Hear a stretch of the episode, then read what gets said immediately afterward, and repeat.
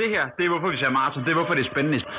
Det vi har set her med omkring timer 35, det er, at Kipchoge har løbet, løbet sammen med pacemakerne og, og Korea. Men øh, Kipchoge han vælger som altid majestætlig stil. Ændrer lidt på armløftet. Øger frekvensen en smule. Og ikke mindst øger skridtlængden. Og nu har jeg altså smidt sine to konkurrenter, inklusive pacemakerne, og viser igen, hvem der er kongen. Det her, det er kongen. Det er klasse-tv. Det er sådan, vi skal have flere løb, hvor det handler om konkurrencen, og det ikke handler om tiden.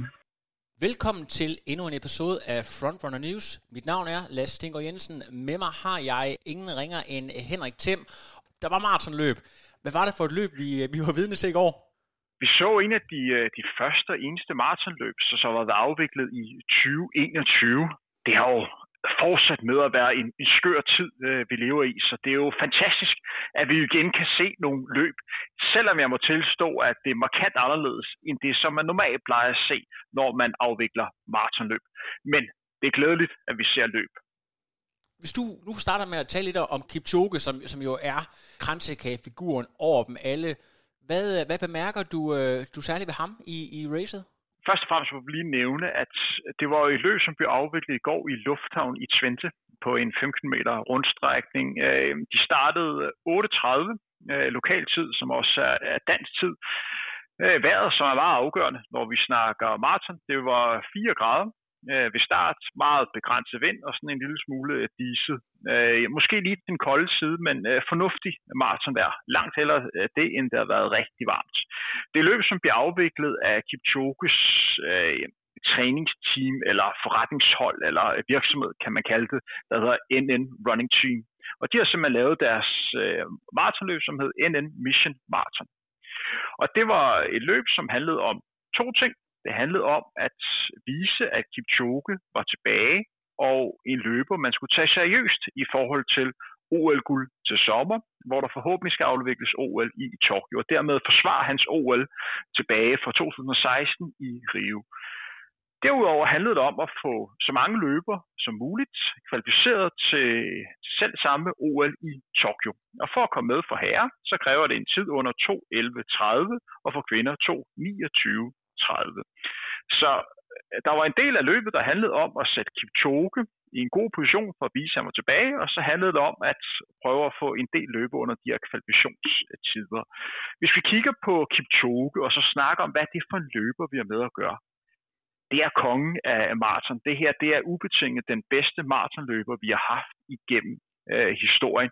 Det var en løber, der rigtig trådt ind på, på scenen øh, i, tilbage i 2003, da han alder af 18 år blev øh, verdensmester på 5.000 meter øh, ved VM i, øh, i Paris, hvor han ved den lejlighed vandt en lidt overraskende sejr og slog løbelegender som Kenneth Bekele og Hicham El i en ny mesterskabsrekord. Han løb 12.51 ved den lejlighed. Derefter har han været med i, i gamet. Han har været med til en, en del OL. Efter han missede OL i 2012, øh, ved OL i London. Han blev simpelthen ikke kvalificeret. Han, han havde løbet under øh, kvalifikationstiden, men man vægtede simpelthen, at der var andre kenianere, som var bedre end ham. Øh, så valgte han så at gå op på, på maratondistancen, og man må sige, at hans maratonsats har været en gigasucces. Jeg var selv til stede den dag i 2013, da han debuterede på, på maraton. Det var i, i Hamburg. Hvis man kigger hans statistik igennem, så i 2013, der vandt han Hamburg Marathon. Så blev han så øh, nummer to i øh, Berlin Marathon, den eneste, der kunne slå om ved den lejlighed, hvor Wilson Kipsang, som skulle slå verdensrekord for at kunne øh, slå øh, Kipchoge. Derefter havde han en, øh, et, et streak på kun sejre, indtil han blev slået ved London Marathon i efteråret 2020. Og hvis vi lige kører listen igennem af, af løbsejren haft, i 2014 vandt han Rotterdam og Chicago, 2015 vandt han London Berlin, i 2016 vandt han London igen, og så blev han meget sikker olympisk guldvinder. 2017, der var han med i det her Breaking 2 arrangement i, øh, i Monza, øh, hvor han var tæt på at komme under to timer, men ikke kom under. Så vandt han Berlin Marathon i øh, efteråret 2017. 2018 vandt han London Marathon igen, og så satte han så den gældende verdenskort på marathon ved Berlin efteråret 2018. I 2019 der genvandt han øh, London Marathon, og dermed fik sin fjerde sejr, og dermed den løber, der vundet London Marathon flest gange. Og så han så under to timer Øh, på maraton ved det her opstillede løb i, i Wien i oktober 2019. Øh, og så blev han altså nummer 8 ved London Marathon i 2020, det der blev afviklet på, på en rundstrækning øh, jeg tror det var Hyde Park, de løb i, i Midt London, hvor vejret ikke var det, det bedste løbevejr. Historien gik på efter øh, det her løb, han fik problemer med sine ører, og det gjorde, at det var ikke den samme Kipchoge, som vi normalt plejer at kunne se. Nu er vi altså i 2021. Det her løb her skulle rigtig være afviklet for en uge siden i Hamburg, men på grund af øh, covid-19, så flyttede man så til, til lufthavn i Twente på den her 5 km rundstrækning. Det man så i går, det var en Kipchoge, som var tilbage som sejr her. Han endte med at vinde ganske sikkert i en vindertid på 2 timer, 4 minutter og 30 øh, sekunder. Men vi må også konkludere, at det er svært helt at sige, hvor god Kipchoge er lige i øjeblikket, fordi modstanden var altså ikke brængende. Så du kan, hvis jeg afbryder her, Henrik, øh, før du øh, går alt for meget i ene tale, du kan ikke se ud fra hans kropssprog, om, øh, om han løber med håndbremsen trukket, eller om han rent faktisk viser et græn af svaghed, som øh, nogle af hans værste OL-konkurrenter måske forsøger at vil udnytte her om et par måneder? Jeg kan ikke konkludere særlig meget ud fra det, øh, det løb, jeg så i går. Altså, øh, dertil var konkurrencen simpelthen for dårlig øh, til, at man kan sige noget som helst. Det eneste, jeg kan konstatere, det er, at han er nok der, øh, hvor man kan forvente, at han bliver en contender til at kunne, kunne vinde guld. Men jeg vil ikke gå så langt og sige, at han er den absolute øh, guldfavorit. Øh, dertil var det lidt for meget sådan en slags øh, træningsløb, sådan, øh, øh, sådan en slags generalprøve. Han blev ikke presset på nogen sådan måder. Han, øh, hans bedste ven, hans, øh, en af hans gode træningskammerater, blev nummer to i, i løbet, Jonathan Career, og han var den eneste, der sådan kunne, kunne presse ham ind til omkring 30 km. Jeg ved godt, der også var en, en, en pacer, der fulgte med så lang tid. Og så løber han så fra øh, på det tidspunkt, og det ser ud som om på, øh, på videoen, at han virkelig rykker, og han virkelig giver den gas. Men altså, det er jo, han er oppe og løber 34 på, på en mile, som er noget, han gør gentagende gange, når han løber rigtig hurtigt på, på maratondistancen. Hvis du går ind og kigger på, på mellemtiderne, så der var en rykker, det er så efter 30, så har han altså de to langsomste 5 km split efter en rykker, hvor han ligger og løber 14.52 og 14.56. Og det er altså øh, på nær mellemtiden fra 25 til 30, så det er de, de to langsomste i løbet. Så, så den den effekt, man får, når man ser det, at Kipchoge virkelig rykker og øh, virkelig giver en gas til sidst, han sætter faktisk tempoet ned. Det er bare de andre, der går endnu mere øh, kold. Og normalt, når man ser Kipchoge løbe maraton, så ser man en løber, som er rigtig god til at løbe med negativ split. Øh, det vil sige, at han kan løbe rigtig stærkt imod slutningen. Hvis du ind og kigger på mellemtiden her, så løber han den første halvmarathon på 61-43, og den næste halvmarathon på 62-47 øh, det er altså lidt over et minut, han løber langsomt på, på sidste halvdel. Og der, hvor det går rigtig galt i starten, det er, at hvor de første 5 km går i 14.54, som er sådan lige under 206 fart, så øger de tempoet mellem 5 og 10, hvor de løber 14, 21. Og det er altså en markant øgning på den selv samme rundstrækning, det de løber rundt på. Der er ikke noget at tale om, der lige pludselig er mere medvind eller mere øh, modvind, fordi de løber på, en, øh, på den samme, så det er altså bare tempoet, der bliver øh, sat gevaldigt op. Og den store tempoøgning gør, at der kun er to løber tilbage allerede øh, der. Så jeg vil sige, for mig er det rigtig svært at, at sige noget som helst om, hvor Kipchoge står hen den dag i dag. Hvis der har været fans af løbesporten derude, folk der godt kan lide maraton og så videre, der har forvildet sig ind på det her link, der bliver livestreamet på YouTube, tror du så, at maraton har fået øh, endnu flere følgere, eller det modsatte, at det er noget, der afskrækker. Og vi kan godt afsløre, vi har jo lavet en lille pre-talk for den her podcast. Jeg ved, at du synes, det er en lille smule dystopisk, hvis det her det virkelig er fremtiden for maratonsport. Hvorfor er det, du er så pessimistisk ved, ved det, du ser her, øh, øh, Henrik, helt ærligt, øh, for, for den neutrale tilskuer? Hvad, hvad er det, der er så afskrækkende ved det, ved det vi så? Først og fremmest så, så må jeg lige konkludere, at dem, der kender mig, og dem, der hører Frontrunner fast, de ved, at jeg elsker løbesporten. Jeg har den største respekt for Nikes branding-afdeling. Jeg var selv til stede, da de, løbende, øh, da de afviklede der Breaking 2 i Monza. Jeg var helt op og, og køre. Jeg stod dernede på Monza-banen og syntes, det her var det fedeste. Jeg sad også og kiggede, da Nike også havde et løb over, at Kipchoge kom under to timer for første gang i det her løb efteråret øh, 2019. Jeg der synes jeg, det var fedt, at man turde gå forrest, lave noget nyt, øh, lave noget masse show. Det løb, jeg så i går, og jeg er godt klar over, at der er en covid-19, man skal tage højde for. Men hvis du bare kigger isoleret på det løb, så synes jeg, det var et løb, hvor der ikke var nogen nerve, der var ingen dynamik, der var ingen spænding. Jeg vil gå så langt at sige, at det jo nærmest var sådan en masse robotter, øh, der bare løb.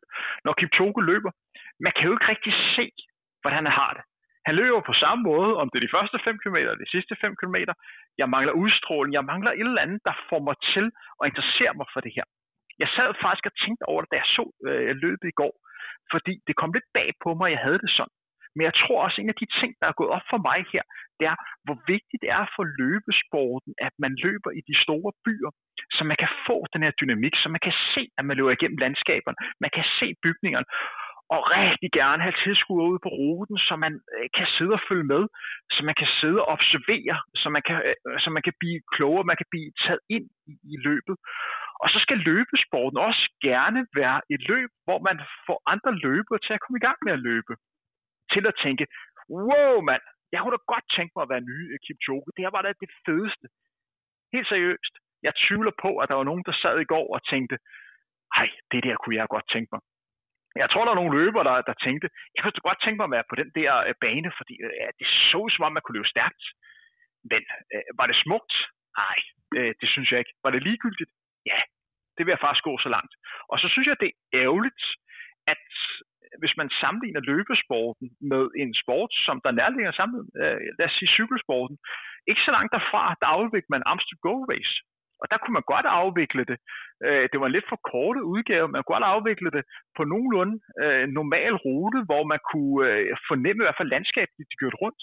Her der skulle vi afvikle et maratonløb øh, på, en, øh, på en lufthavn, hvor der var fuldstændig, fuldstændig forladt for alting.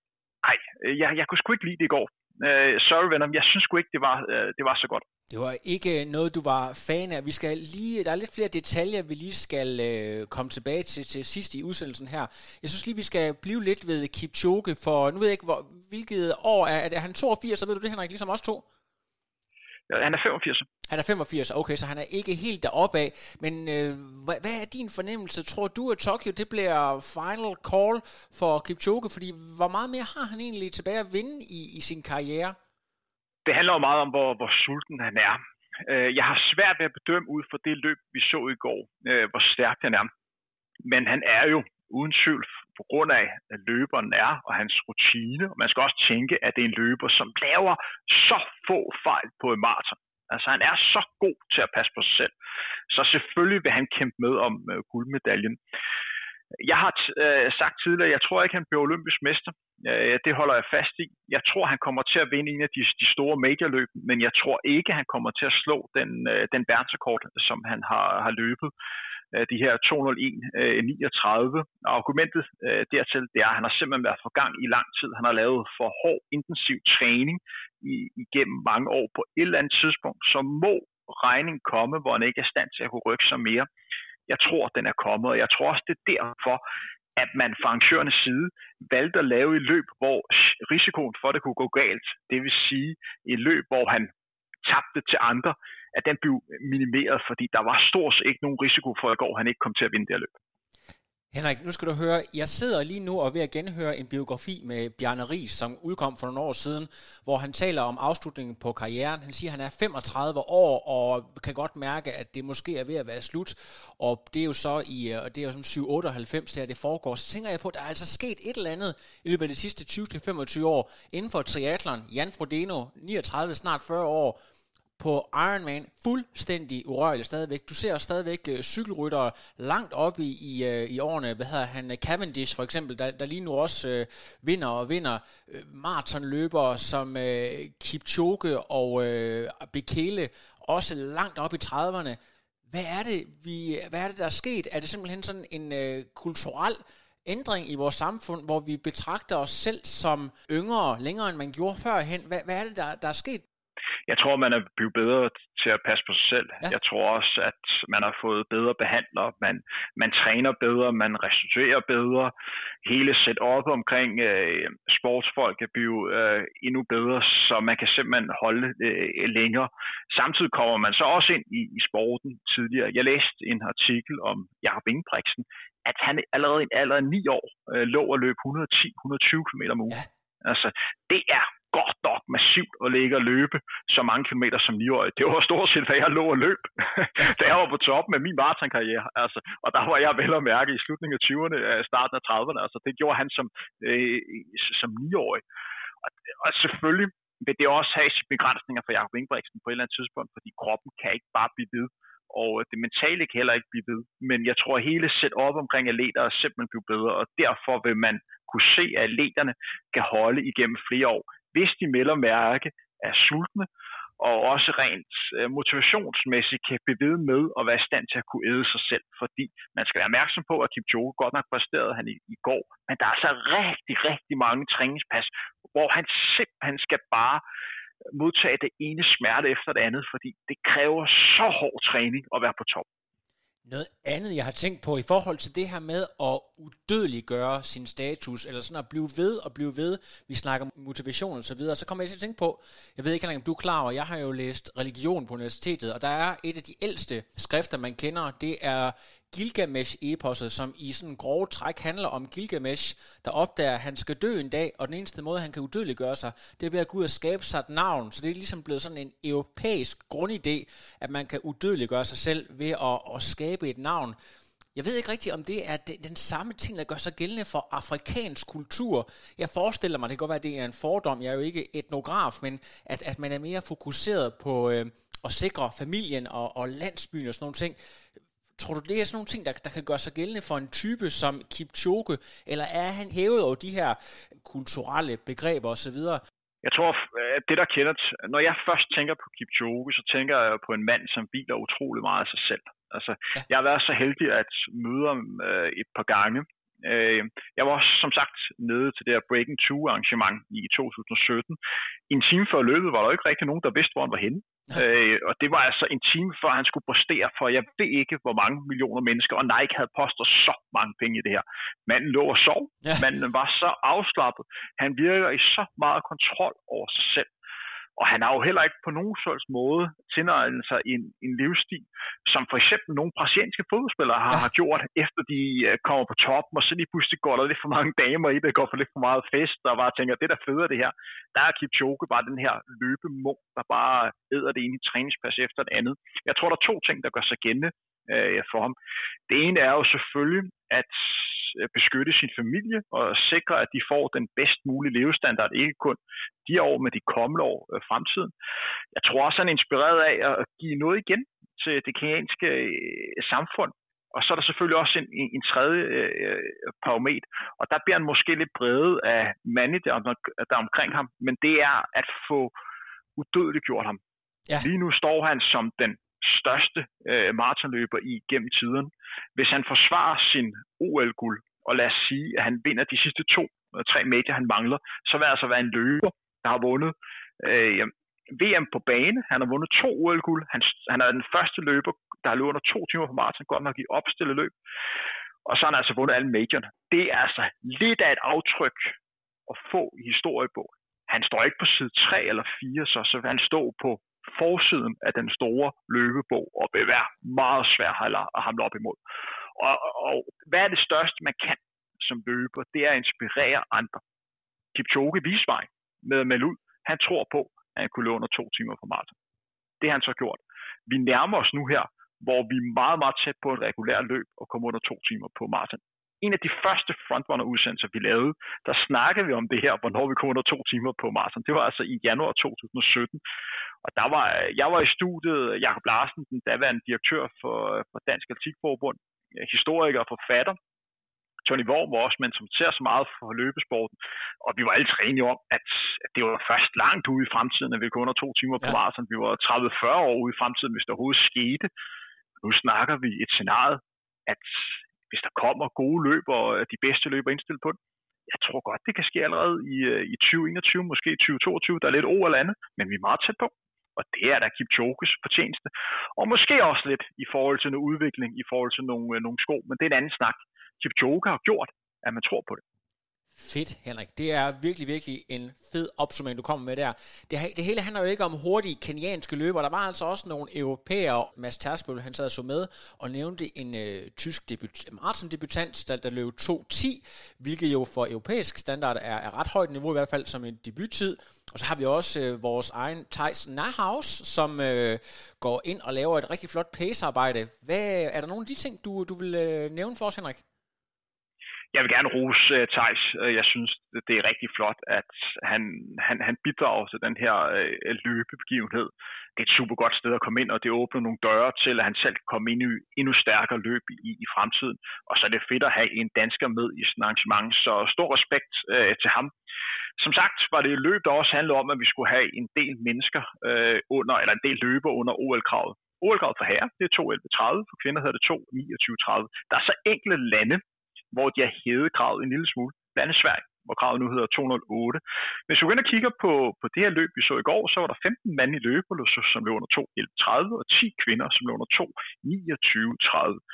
Blandet var det et godt løb for de polske maratonløbere. Polen har en kæmpe historie for at præstere rigtig godt på, på maraton. Før i går havde de ikke nogen, der havde klaret det opstillet på 2.11.30. Nu har de to løber. Det, der er en stor udfordring nu her i forhold til OL, det er, at der er et scenarie, at der lige nu er alt for mange løber, som har klaret kravet. Hvis vi går ind og kigger på, at siden kravet blev åbnet, det var altså den 1. januar 2019, vær opmærksom på, at OL skulle have været afviklet i 2020, men altså blev skubbet til 2021. Hvis vi kigger på herrene, og så kigger på, hvor mange løber, som havde løbet under 2.11.30 per 7. april, for det var den sidste opgørelse, og det tal er altså stedet, der er 500 og 23 løber, mandlige løber, som lå under 2.11.30. Jeg gentager, 523 løber. Det er voldsomt. Det er rigtig, rigtig mange løber. Man skal så lige være opmærksom på, at mange af de her løber er jo fra de samme lande. Det vil sige Kenya, Etiopien og sågar andre lande, hvor maksimalt kun stille med tre løber. Og det begrænser feltet en lille smule.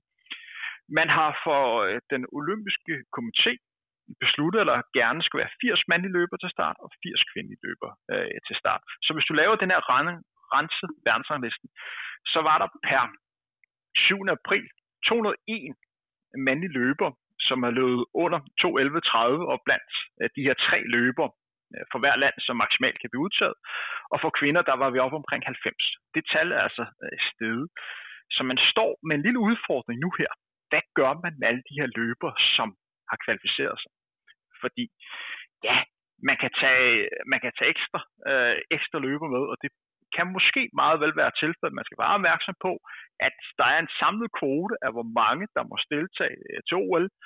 Så lige nu her er man stadig lusikker på, hvad man kommer til at gøre.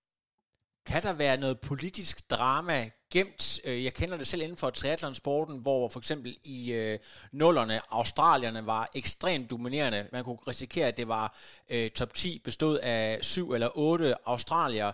Du nævner selv Kenya som nation. Er der andre steder, hvor der kan være et, øh, et stort øh, drama og måske efterspil i forhold til de her udtalelser? Situationen i år er lidt speciel, fordi øh, nogle lande havde jo udtaget deres løber til OL øh, før OL blev rykket fra 2020 til 2021. Så er der nogle lande, som har, har valgt at sige, de løber, som vi pegede på i 2020, øh, det er de samme løber, som sætter til start i 2021. Så er der andre, der har, har sagt, øh, vi venter og ser, hvad der sker. Øh, udtalelsen er annulleret. Du har stadigvæk klaret kravet, men vi venter øh, med at øh, faststå, hvem der skal, øh, hjem hvem der skal med til OL. Og det er forskelligt for, for land til land. I Danmark valgte man jo rimelig tydeligt at så sige, Thijs Abden, i har klaret kravet. Ja. I har en billet. Med det mente, at kravet sådan set stadigvæk har været åben hele vejen igennem i Danmark, og vi kunne godt stå med scenariet, hvor der var flere danske løbere, som havde løbet under de her 2.11.30. Og så havde man stået i det, man kalder et positivt problem om, hvad det gør man så? Fordi du har lovet to øh, løber plads. Er det deres skyld, at OL er blevet rykket? Nej, det er det ikke. Men hvad med de andre løber, som også har klaret kravet? Nu kommer man nok ikke til at stå i, i det scenarie, men det kunne man have stået i. Og, det kunne, øh, det, og der er mange andre scenarier, man har stået i andre lande. Hvis man går ind og kigger på Sverige, så er man simpelthen gået ind og, og valgt, fordi der er så mange, der har løbet stærkt på maratondistancen. Og det viser de her tal, som jeg sagde her. Som sagt var der altså 523 løber, som lå under 2.11.30 siden den 1. januar 2019. Det er altså voldsomt. Så i Sverige, der valgte man at sige, vi vil gerne have, at de atleter, øh, vi sender til OL, der kan vi være sikre på, at de kan gøre sig gældende i top 20. Så derfor rykkede vi og øh, rykkede i kravet til, at man skulle ned og løbe 208. Det vil sige løber som Mustafa Mohammed, David Nielsen, andre løber, der havde klaret kravet, de lige pludselig ikke var med til OL alligevel, fordi de hævede øh, niveauet. Det må man sige, det er en, en lille smule øh, bittert, men der sker rigtig meget i løbsudviklingen nu her. Der er altså rigtig mange, som, som løber stærkt.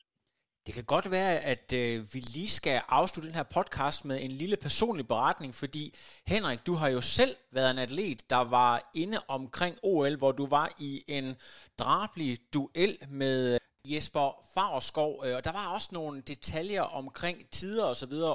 Kan du ikke lige prøve at fortælle om, hvad, hvad der gik gennem dit hoved i den her periode, hvor du selv øh, var øh, in the thick of it, som man siger? Altså, jeg har jo ligget to gange og håbet på at komme til OL. Det var i forbindelse med OL i London i 2012, og så OL i 2016 i Rio. I øh, historien var i, i 2012, det er, at øh, Jesper Fagerskov øh, løber 2.16 Øh, jeg tror, det var 2.16.15 øh, lå han ved, øh, ved London Marathon i, øh, i foråret øh, 2011 og kvalificerer sig til VM og, og løber under det, man kalder B-kravet til OL i 2012. Så stiller han op til, til VM, jeg tror det er Eco og klarer sig øh, ganske fornuftigt. Øh, jeg ligger og debuterer på, på Martin, øh, Berlin Marathon øh, i øh, 2011 og løber 2.17, øh, jeg tror det var 2.17, 44, 45, noget af den stil. Øh, og så jeg klarer også det, der kaldes B-grav, har løbet langsommere end Jesper. Øh, jeg får at vide, at hvis jeg skal til OL, så skal jeg løbe under øh, 2.15. Hvis jeg ikke løber under 2.15, så vil Jesper komme med, øh, fordi han har større rutine på, på maraton-distancen. Så går jeg altså i gang med at øh, træne, kommer ind i et, et rigtig øh, godt flow for at sat ny personrekord på, på 15 km, løber øh, 45-15 i løbet i Nijmegen ikke mange uger efter at løbet Berlin, og får også sat ny personlig rekord på, på halvmarathon øh, i 1.04.10 øh, 10 med de maratontræninger, og føler den, øh, jeg tror sgu på det her. Altså, øh, desværre får jeg ikke selv lov til at vælge, øh, hvor det er, øh, jeg gerne vil løbe, øh, løbe maraton. Øh, jeg får at vide, at hvis jeg gerne vil til OL, så skal jeg løbe i, i London Marathon og løbe udtalelses der. Øh, London Marathon er et, et fedt løb at løbe, og på mange måder vil det også give mening, at man løber det samme sted, som man skal øh, løbe OL senere. Vores store udfordring i London var, at vi kunne ikke få væske. Så den her egen personlige væske, som er rigtig vigtig, hvis du gerne vil forme på, på maraton, det kunne vi ikke få stillet til rådighed, fordi vi var simpelthen ikke øh, dygtige nok. Øh, og det gjorde, at vi skulle øh, klare os med det, der ellers var. Jeg er godt klar over, at, at det er det, der langt de fleste øh, løber gør, men normalt er kostymen, når vi er nede og snakke det niveau og snakke OL, at man har egen, sin egen personlige drik med. Så scenariet var, at øh, både mig og Jesper skulle stille øh, til start. Øh, jeg skulle løbe under 2.15 for at komme øh, til OL. Hvis jeg ikke øh, hvis jeg ikke kom under øh, 2.15, øh, så ville øh, Jesper komme med. Hvis jeg lå under 2.15, så skulle Jesper lå under 2.15 for at komme øh, til OL. Øh, øh, så vi løber sammen, og jeg er altså ønskesnaret for mig den var, det var, at vi begge to øh, kom med til OL. Det var det, jeg håbede på. Jeg håbede, at jeg løb 2.14 et eller andet, og lige slog Jesper med et par sekunder, så skulle vi give en anden et, et kæmpe knus, hvor han lige kom mål et par sekunder efter mig, men stadigvæk klar grad. Og så vi begge to kom til, øh, kom til OL. Øh, jeg føler mig, altså jeg vil sige det sådan, at jeg var rigtig, rigtig nervøs, fordi der var så meget på spil. Men jeg følte mig, jeg følte mig godt løbende, og følte mig ovenpå, og troede, at det her, det skulle nok, det skulle nok fungere. Øh, efter 20, øh, 23 øh, km, der får jeg rigtig, rigtig ondt i min hofte, øh, og bliver nødt til at udgå efter 5-26 og trækker stikket der. Øh, det var nogle hårde kilometer på vej tilbage til, til hotellet. Jesper øh, gennemførte løbet. Han gik lidt ned til sidst, men fik en øh, fuld fortjent øh, plads til OL, og øh, det havde han fortjent. Alt muligt øh, kado til Jesper. Han er en super sej løber. Men jeg var godt nok bitter, for jeg ville gerne have været med til, øh, til OL, og synes, at jeg blev lidt behandlet lidt forkert på, på den lejlighed. Jeg synes ikke, jeg synes, at når man er let, der dedikerer al sin tid til at komme til OL og satser røven og bukserne komme hen, så synes jeg, at det, det første, man kan gøre, det er at spørge atleten, øh, hvad skal der til, for, for du kommer til OL? Hvordan kan vi hjælpe dig bedst muligt på vej, i stedet for at sige, det er det reglerne. Hvis du gerne vil, vil klare kravet, så skal der så løbe det løb, og du skal gøre på den måde. Føler du, det at synes jeg... jeg, at der skal være nogen, der engagerer sig lidt mere i dit projekt, før, hvor det er lidt mere bare et, øh, du får stillet nogle krav, og så er det egentlig bare op til dig selv at, at klare den. Er, er det sådan det, du tænker retrospektivt? Jeg synes, at man skal altid øh, spørge atleten, hvad er bedst øh, for dig for at kunne præstere bedst muligt. Jeg er godt klar over, at der er nogle regler, der skal overholdes, men det der med, at man dikterer, det er sådan her, man skal gøre, øh, det, er, det synes jeg er forkert. Altså, øh, øh, jeg synes, man, sk- man skal ikke sige, hvis du gerne vil til OL, så skal du det, løbe det løb her. Man skal hellere spørge Henrik, hvis du gerne vil løbe den bedst mulige tid, hvor vil du så præstere bedst muligt hen? Hvordan skaber de de bedste forudsætninger for dig? Så det jeg også øh, kan forstå på det, du fortæller her, det er, øh, eftersom du kan fortælle det så øh, krystalklart, så relativt mange år efter, at der er rigtig mange atleter derude lige nu, der har nerverne helt ude på tøjet øh, foran det her øh, OL, som forhåbentlig kommer om et par måneder. Ja, der er en del, der har, øh, der har nerve ude på tøjene. Ikke så meget de danske løber, de er, øh, de er sikre, og jeg er helt sikker på, at Thijs Abdi, øh, nok skal klare sig rigtig godt. Øh, det er jeg ikke sekund tvivl om, de to super seje løber. Men der er en del andre løber rundt omkring i verden, der sidder og er super spændte af to årsager. Hvad dagen kommer til at ske med det her corona? Og det andet, hvad kommer til at ske i forhold til udtalelse? Og hvad med de her for mange løber, som har, har kvalt ind? Det er da en udfordring, der er til at, at føle på. Men kæft, jeg glæder mig til, at der kommer OL. Jeg glæder mig til at se det maratonløb. Det bliver, altså, det bliver fedt. Vi er tilbage med meget mere news på onsdag allerede, i hvert fald op til onsdag, måske udkommer podcasten torsdag, i hvert fald i god tid inden det danske mesterskab, så alle dejlige lytter derude, stay tuned.